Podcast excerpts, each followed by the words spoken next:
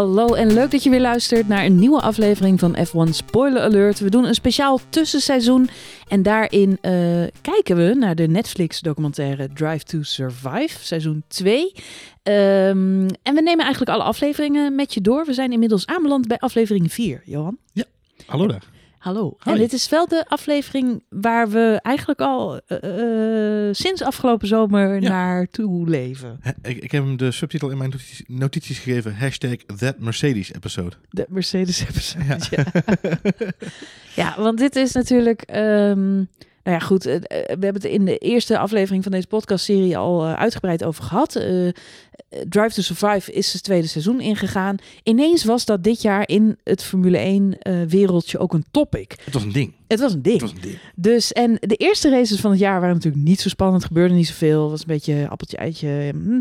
Uh, toen kwam Oostenrijk, waar wij bij waren, wat fantastisch was als Nederlands fan omdat Max daar fantastisch won. Hele mooie race. Maar nog steeds als documentairemaker denk ik dan, ja, wat is daar het verhaal? Ja, weet je, iemand. story? What's the story? Het is leuk. Er zijn allemaal Nederlandse fans. Er zijn heel veel Oranje supporters. En hij wint daar de race. Maar dat, ja, verhaaltechnisch Ja. eh, zit daar geen ark in, om Nee. het maar zo te Nee. zeggen. De televisiemensen worden daar niet heel blij van, want eh, tuurlijk, hij had een hele slechte start, maar dat is moeilijk in beeld te brengen. En Drive to Survive moet het juist heel veel hebben van eh, de verhalen achter de sport. Dus hoe Rond mooi, sport, ja. ja, hoe mooi is het als je op zaterdag echt een topdag hebt en op zondag van je statuur valt. Ja, uitgeleid in, de, in een plas met regen. Ja, Ja, dat de- eigenlijk be- meer. be- Ja. Dat is eigenlijk waar je als filmmaker op hoopt. En dat je dat dan in de schoot geworpen krijgt. Ja, Ja. dat hadden wij zelfs als Formule 1-fans en kijkers over de hele wereld door. Toen wij de Grand Prix van Hockenheim keken. Iedereen, televisiemaker of geen televisiemaker, maar iedereen had in de gaten.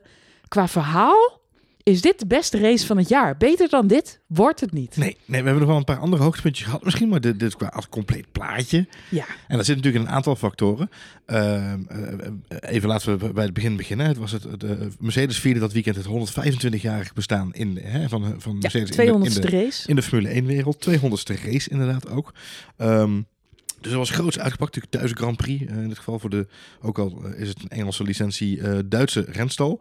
Eh, groots uitgepakt. Iedereen verkleed in de kleding uit de jaren 50, 1954, het jaar van Wat de ik eerste race. overigens nog steeds echt een fantastische move vind. Briljante move. Briljante Het- move. je ziet het in de serie ook weer terug en het ziet er zo leuk uit. Het is hartstikke top gedaan. En was het een ander weekend voor ze geweest, had iedereen het daar nog eens over gehad nu.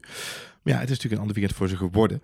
Wat mij wel opviel, want dit, weet je, we, st- we- we steten nu de facts. We, herhalen nu Mm, eigenlijk wat mm. iedereen al weet. Hè? Want iedereen Ja. weet natuurlijk dat dit de, de verhaallijn is waar het over zou gaan. Namelijk Mercedes, de, de grote gedoodverfde winnaar van deze wedstrijd, die van zijn statuur valt, zoals je dat zo mooi Mhm. zegt. Wat mij opviel, en ik weet niet of jij dat hebt ervaren, maar het verhaal werd echter wel op een hele andere manier ingestart. Hoe bedoel je? We beginnen namelijk bij het wegvallen, het overlijden van Niki Lauda. Jazeker, ja, nee, klopt. Maar dat. ehm, eh, we hadden we, eh, eerder hadden we het over Charlie Whiting, die overleed eh, vrij aan het begin van het seizoen. Nicky Lauda iets later, vlak voor de zomer, als ik me goed herinner. Mhm. Ehm, eh, de manier waarop ze stilstaan bij zijn legacy en bij zijn overlijden vond ik heel mooi. Ja. Ehm, en ik denk ook dat het een functie in het verhaal innam. Eh, namelijk hoe belangrijk hij is geweest voor het team. Wat ze, wat ze goed doen is inderdaad de spanningsboog opbouwen. Eh, waarbij ze aangeven, nou, een paar jaar geleden was Mercedes nog niet zo heel erg goed. Ze laten zelfs Christian Horner nog even aan het woord. Zo van ja, 2010 tot 2013 Ja. wonnen wij alles. Mocht hij ook nog een keertje. zo- Ja, precies. Mocht hij ook nog een keer dat je echt denkt van, oh man, dat voelt echt als ancient history. Hoe lang dat wel niet geleden is. Want ik weet alleen nog maar dat, dat bij wijze van spreken dat Mercedes echt alles, alles wint wat er maar te winnen valt. Klopt. Maar ze doen dan wel even hun best om, om toch Mercedes ook een beetje als die underdog De, eh, de te weg naar boven toe te laten zien inderdaad. Ja. Ja. Precies. En daarin waren twee mannen heel belangrijk, of misschien drie mannen, als ik het goed zeg. Ja, Eh Niki Lauda, Toto Wolff en uiteindelijk natuurlijk Lewis Hamilton. precies. De man En- met stuurtjes aan. Ja, Ja. en dat wordt mooi geschetst. Hoe ehm eh, Toto Wolff eigenlijk gevraagd is daar als teambaas. Niki Lauda daar echt als een soort... ehm, ja, eh, hoe noem je het? Geweten van, eh, van, het, van het team is aangehaakt. Ook de rust bewaarde. Het wordt ook aan het eind van deze aflevering weer gezegd.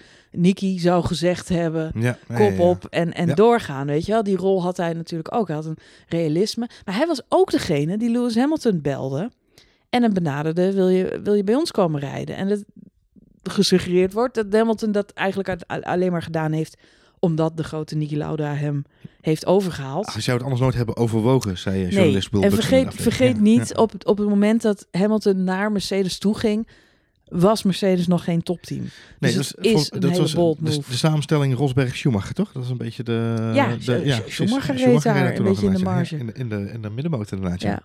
Het is, eh, wat mij opviel is, de, de thema, of de, titel van de, van de aflevering is ook Dark Days. Dus ik was heel even bang dat ze de aflevering inderdaad zouden gaan insteken dat eh, dat hele weekend in Hockenheim eigenlijk het gevolg was van een neerwaartse spiraal waar het team in terecht kwam. Nee, Eh, dat slaat natuurlijk nergens op. want- nou ja, kijk, we hebben het al vaak gehad over de framing van de serie. En ik Mhm. weten dat wij als Formule 1-volgers weten dat allemaal. Eh, maar ja, als je het echte verhaal van dit seizoen zou vertellen in een documentaire serie, jij zegt dat terecht al aan het begin net, dan heb je geen interessante aflevering. Dus, eh, en ook geen interessant rest van het seizoen, om zo maar even te zeggen. Want iedereen wist eigenlijk al toen we in Duitsland waren dat het een kwestie van tijd was voordat Lewis Hamilton weer kampioen was. Want de, de voorsprong was toen al behoorlijk fors natuurlijk. Ehm, dus ik, vraag, ik vroeg me heel even af van, hè, zouden de documentairemakers nu echt ervoor gekozen hebben om deze hele aflevering eh, hè, met als naam Dark Days eh, ook echt te pakken als zijnde eh, er ontwikkelt zich een doemscenario rondom Mercedes. En ehm, eh, die angel is niet eh, helemaal uit het verhaal gehaald. Maar het is gelukkig niet zo tendentieus geworden als dat het aan het begin voor mij een beetje overkwam. Namelijk het wegvallen van Niki Lauda. En we hadden het heel erg zwaar. En er valt een geweten van het team weg. En vervolgens was Lewis Hamilton was ziek in, in, in Duitsland. En er wordt een soort beeld gecreëerd, voor mijn gevoel. Hè, zo heb ik het dan even gezien. Waarbij ze, ja, oh, het is toch allemaal heel erg... eh, ja, het gaat echt bergafwaarts met Mercedes. Ja, maar dat gaat ze natuurlijk nooit laten gebeuren. nee, dat zou Mercedes niet laten gebeuren, wil je zeggen. Nee. Ja, ja, ja. En eh, dan, dan zijn we een beetje bij, bij punt wat ik dan zou willen maken. Ik vond het een eh goede aflevering, interessante afdeling, eh, aflevering. Ik vond het wel een hele geregisseerde aflevering. Deze shots, deze complete episode is denk ik meermalen naar het hoofdkantoor van Mercedes geweest. Om tot op de punt komma goed te laten keuren dat ze erachter stonden dat dit zo naar buiten toe mocht. Ehm, ja, er is gewoon over na. Het is gewoon een PR-ding. En Ja, natuurlijk, ze hebben een heel slecht weekend gehad. En het blijft nog steeds. Je zit er nog steeds naar te kijken en denkt: oh man, ze hadden echt rampspoed toen. Het ging echt even niet lekker. Maar tegelijkertijd, precies wat jij zegt, je bent Formule 1-fan, dus je weet, het was één weekend. Ja. Weet je, ze maken één keer een paar crappy beslissingen. De, de reden waarom we als fans allemaal zo doldwaas over waren, was juist omdat het niet zo vaak voorkomt dat Mercedes zo'n enorm desastreus weekend kent als team. Ja, en het is natuurlijk ook niet leuk om te gaan zitten gloten dat dat een keer gebeurt. Nee, natuurlijk niet. Het was gewoon. eh, nou, nee, ik denk niet dat het leedvermaak is wat dat weekend Mhm. zo interessant maakte. Nee, nee. Ik denk wat het als sportfan eh, zo interessant maakte, is dat zelfs de aller, aller, allerbeste in een sport, wat Toto Wolff, Mercedes en Lewis Hamilton op dit moment gewoon zijn. Ze waren super dominant. Hè? We hadden het voor de zomer, hadden wij het erover van, man, we gaan, dit is echt nog saaier dan het tijdperk Schumacher. 2002, klopt, ja. 2003, Ja, dit, ja, dit is echt, het Formule 1 is zo saai geworden. Ze wonnen alles. Alles 1 tweetje, 1 tweetje, 1 tweetje. En ineens gebeurt dan Hockenheim. Een paar races daarvoor hadden ze al wat issues. Want vergeet niet, Oostenrijk. Eh, Warmte. de, de ja, hitte. Ja, ja, ja. Gingen ze ook niet goed op dat Mickey Mouse baantje. Max Verstappen won. eh, maar Mercedes kwam daar voor het eerst in de problemen. En toen had ik nog zoiets van... eh, zouden ze een beetje... Ja, dat hadden meer mensen toen ja, op de, op de, ja. zouden ze te horen hebben gekregen van... jongens, jullie moeten niet te dominant Zet even, worden. zet even die motorstand een stukje lager. Ja, precies. Doe gewoon één keertje niet mee. Nou, die twijfel is na het zien van deze aflevering bij mij wel echt compleet als sneeuw voor de zon verdwijnen, verdwenen. Ja. Mocht hij überhaupt al zijn, eh, Nog aanwezig zijn nog geweest. aanwezig zijn geweest. Deze mensen kunnen niet tegen hun verlies. En, dat, en, en, en ze, ze, ze, they beat themselves up. Weet je, ze zijn echt eh, pislink op zichzelf. En ik moet zeggen, dat vond ik eigenlijk het mooiste van deze aflevering. Het gaat mij totaal niet om dat zij shit weekend hebben waarin alles misgaat. Wat ik wel mooi vind om te zien is hoe verschrikkelijk eh, ja. Gedreven. ja, gedreven ja. zij zijn en hoe kwaad zij op zichzelf. Lewis Hamilton, die zijn koptelefoon opgooit op het moment dat hij het shot ziet waarin hij een bocht op een bepaalde manier in de bocht waarin het fout gaat, stuurt hij in en je ziet hem die koptelefoon afzetten en zijn hoofd schudden van fuck, weet je wel, ik Ja. maak daar een fout. Ja. En eh, gaat dan naar Toto Wolf toe eh, om zijn excuses aan te bieden. En Toto Wolf zegt ook van ja, weet je, Fouten maken we ook met z'n. Ja, fouten maken we ook met Ik, z'n ik, heb hem allen. genoteerd, inderdaad. ik vond het heel mooi om te zien. Wolf is daar in damage control. Dus hij heeft, je ziet hem na die race zie je hem zijn telefoon opnemen. En volgens mij spreekt hij met zijn vrouw, Susie, eh, Mhm. op dat moment. Die hem vraagt, bad day at the office. En dan zegt hij, this is a total shit fuck day at the office. Eh, wat heel schattig is, want je ziet hem aan zijn lach kun je zien dat het iemand is waar die, van, waar die die lief heeft. Die, die dicht bij hem staat. Want even later zie je hem tegen die journalist. Zie je, zie je een andere Toto Wolf. Dat is een, eh, de, de Guardian Nou, hij journalist. had moeite om, om, ze, om, ze- om zijn controle te houden Ja. daar. Want hij wilde eigenlijk gewoon... Exact, eh, maar daar zien we Toto Wolff, hè, zoals die ook kan zijn. Een beetje opgefokt en, en Kwaad. masculin, kwaad en terecht ook wel. Eh, en dat is hij eigenlijk in die, in die setting bij Mercedes intern ook. Ja. Maar hij weet, zich, ah, hij weet ook, je moet damage control toepassen. Want je hebt een team van 1600 mensen om je heen. En als je nu de verkeerde dingen zegt, dan raakt iedereen gedemotiveerd. Of er, dan ontstaat er een verkeerde energie binnen zo'n groep. Dat kan zomaar. En toch valt mij wel op. eh, bij Lewis Hamilton zegt hij eigenlijk: we verliezen met z'n allen. En dan gaat hij er ook nog overheen. Zegt hij tegen Lewis Hamilton: eh, hey, je maakt een goede call door meteen de pits in te komen. Ja. Eh, je kon ook niet met die neus blijven rondrijden. Hij was kapot. Dus goede beslissing die je daar hebt genomen. Ehm, ja, en wij stonden niet klaar met. We hadden geen bandenplan. Dat zie je ook weer die pitstop van een minuut. Die gaat gewoon mis, omdat er geen plan. Er- er was geen plan, Niemand nee. weet wat ze moeten doen. Dus Nee. ieder, het is niet zo dat ze. Ja, ze stonden niet klaar, want ze verwachten hem helemaal niet binnen. Maar ze kregen ook geen instructies. Er was geen communicatie. Nee. Totaal geen. Nee. Dus zij, de- je kunt wel zeggen, waarom staan ze allemaal niks te doen? Maar dit het zijn een soort robotjes die pas weten wat ze moeten doen. Als iemand zegt, die banden moeten erop. En ze wisten niet welke banden, dus doen ze niks. Dus dat wordt Dat nog... een mooi contrast hè, met de opening van de, van de race. Want we zien de race start zien we. En dan zien we Horner, Christian Horner en Max Verstappen samen staan. En dan zegt Christian Horner ook tegen Max Verstappen. Het wordt, hè, moet geduld houden vandaag. Wat Max Verstappen zegt. En veel communiceren. Dus hou de radio maar lekker open. Veel communiceren. En vervolgens gaat het mis bij Mercedes. Omdat er inderdaad eigenlijk te weinig communicatie is op de lijn. Eh, weet je, oh, nog even los van het feit dat ik denk dat op zo'n korte invals... Want hij verliest, hij verliest dus de macht over het stuur. Hij raakt een muur. En hij rijdt eigenlijk in een rechte lijn zo de pits in. Want hij krijgt daar later ook volgens mij nog wel een time penalty voor. Omdat hij inderdaad eh, achter het pilonnetje voorbij reed. Eh, in dat tijdstip kun je volgens mij ook niet met elkaar communiceren. Dat is zo snel. Dat is gewoon eh, bocht uit afsnijden en erin rijden. Ik, ik weet ook Ja, niet. natuurlijk kun je wel in een split second. eh, Ja, ik bedoel, kom op, Max Verstappen die wint in Brazilië een race door een split second beslissing True. van zijn engineer Dat is om waar. nu naar binnen Daar te komen. Als één ding goed geregeld is bij Red Bull, dan is het dat zij split second beslissingen nemen.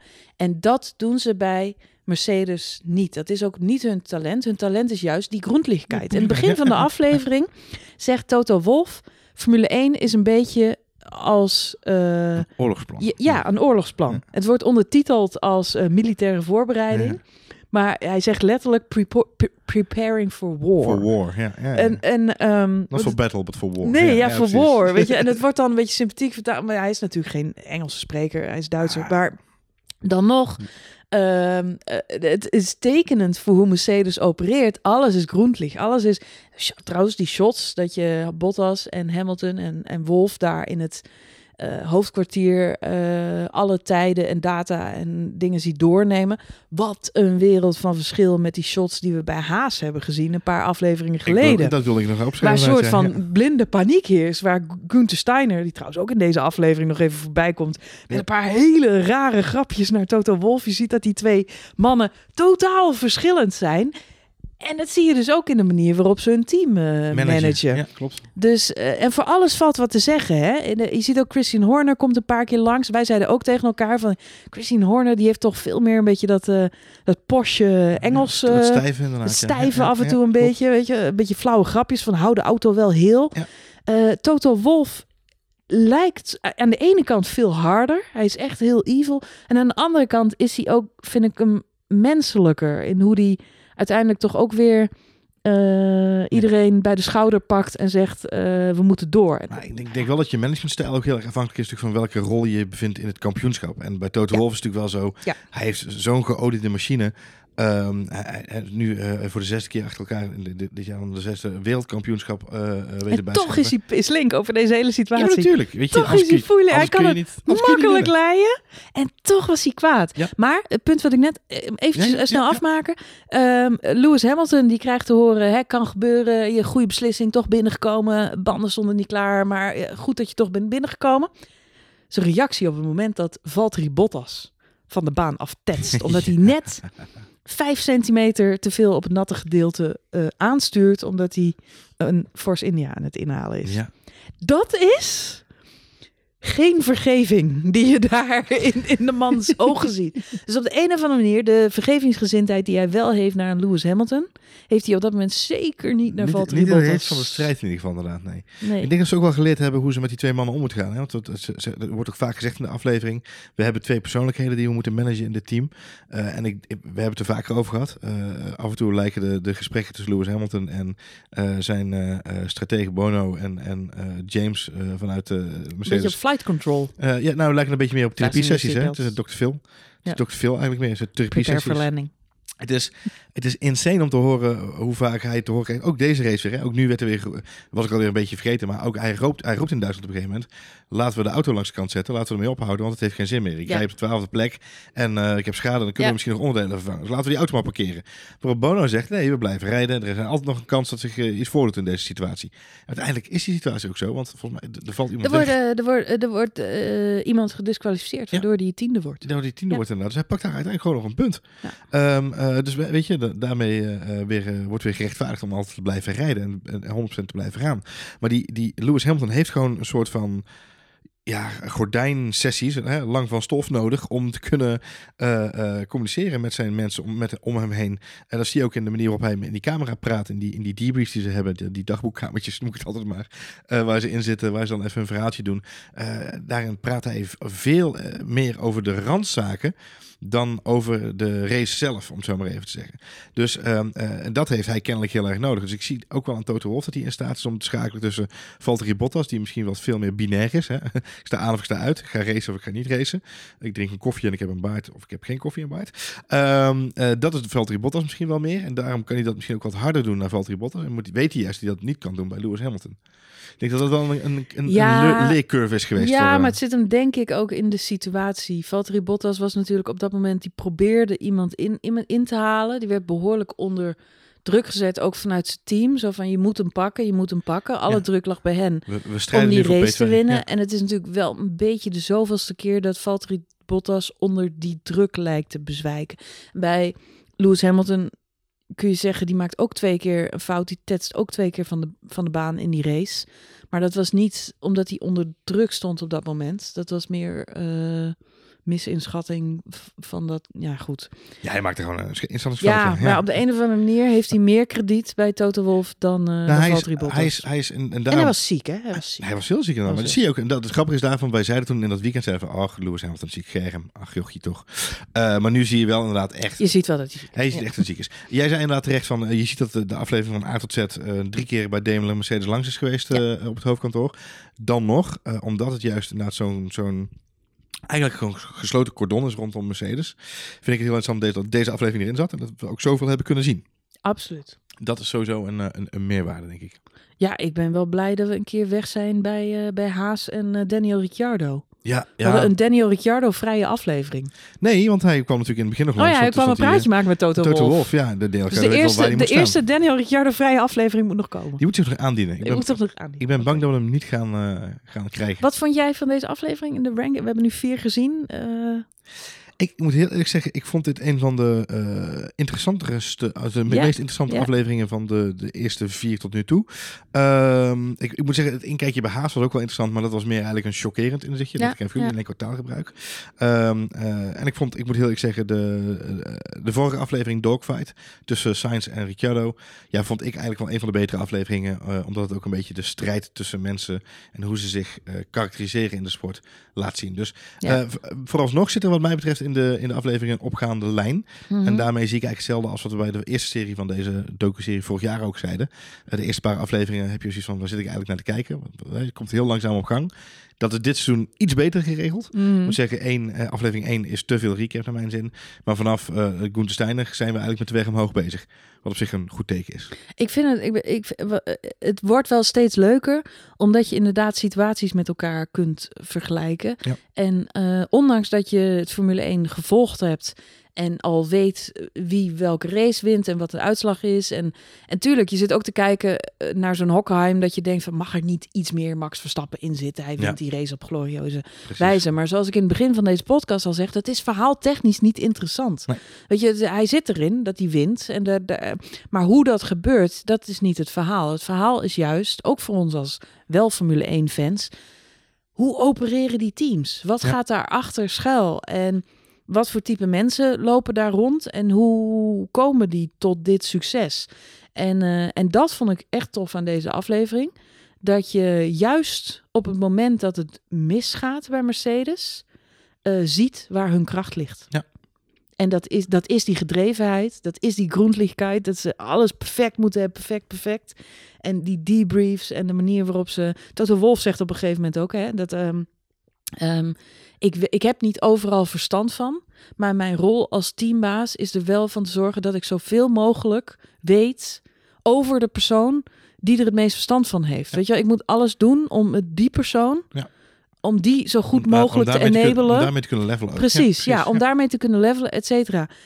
En dat, en dat, nou ja, goed, eh, ik hoef niet nog een keer te zeggen, maar Gunther Steiner, die, die zou daar een lesje voor kunnen Ja, die, opsteken. die, die, die doet dat ook, maar die doet dat door die persoon zo maar laag mogelijk naar letterlijk met zijn handen in de lucht, zo van jongens, ik weet niet wat jullie aan het doen zijn, ik, heb, ik wil het ook niet weten. Doe het gewoon allemaal beter vandaag. Nee, maar die heeft het Dat ook zou heel fijn zijn. Koenestein heeft het ook begrepen, maar die niveleert op een andere manier. Die brengt Ja. iedereen terug naar beneden. en dan vanaf oh daar gaat hij opbouwen. god, maar dat is precies hoe het niet moet. En Nee. ja, het is toch wel heel interessant. Ik kijk nu wel heel erg uit naar een aflevering over Ferrari. Eens, Ik ben ja. heel benieuwd hoe, hoe het daar gaat. Nou, maar los, los daarvan, inderdaad, ik ben gewoon benieuwd naar de rest van, van, van het seizoen. Hoe vaak we Mercedes nog terug gaan zien. Want iedereen was natuurlijk van tevoren een beetje bang. Ze, ze hebben wel toegang gegeven tot de, Ja. eh, tot de pitstraat bij Mercedes. Maar ze hebben wel hele strenge eisen neergelegd. Ja. Dus hoe vaak, hoeveel dingen gaan we zien? Eh, de geruchten waren dat er eigenlijk maar één aflevering zou zijn waarin we Mercedes zouden zien.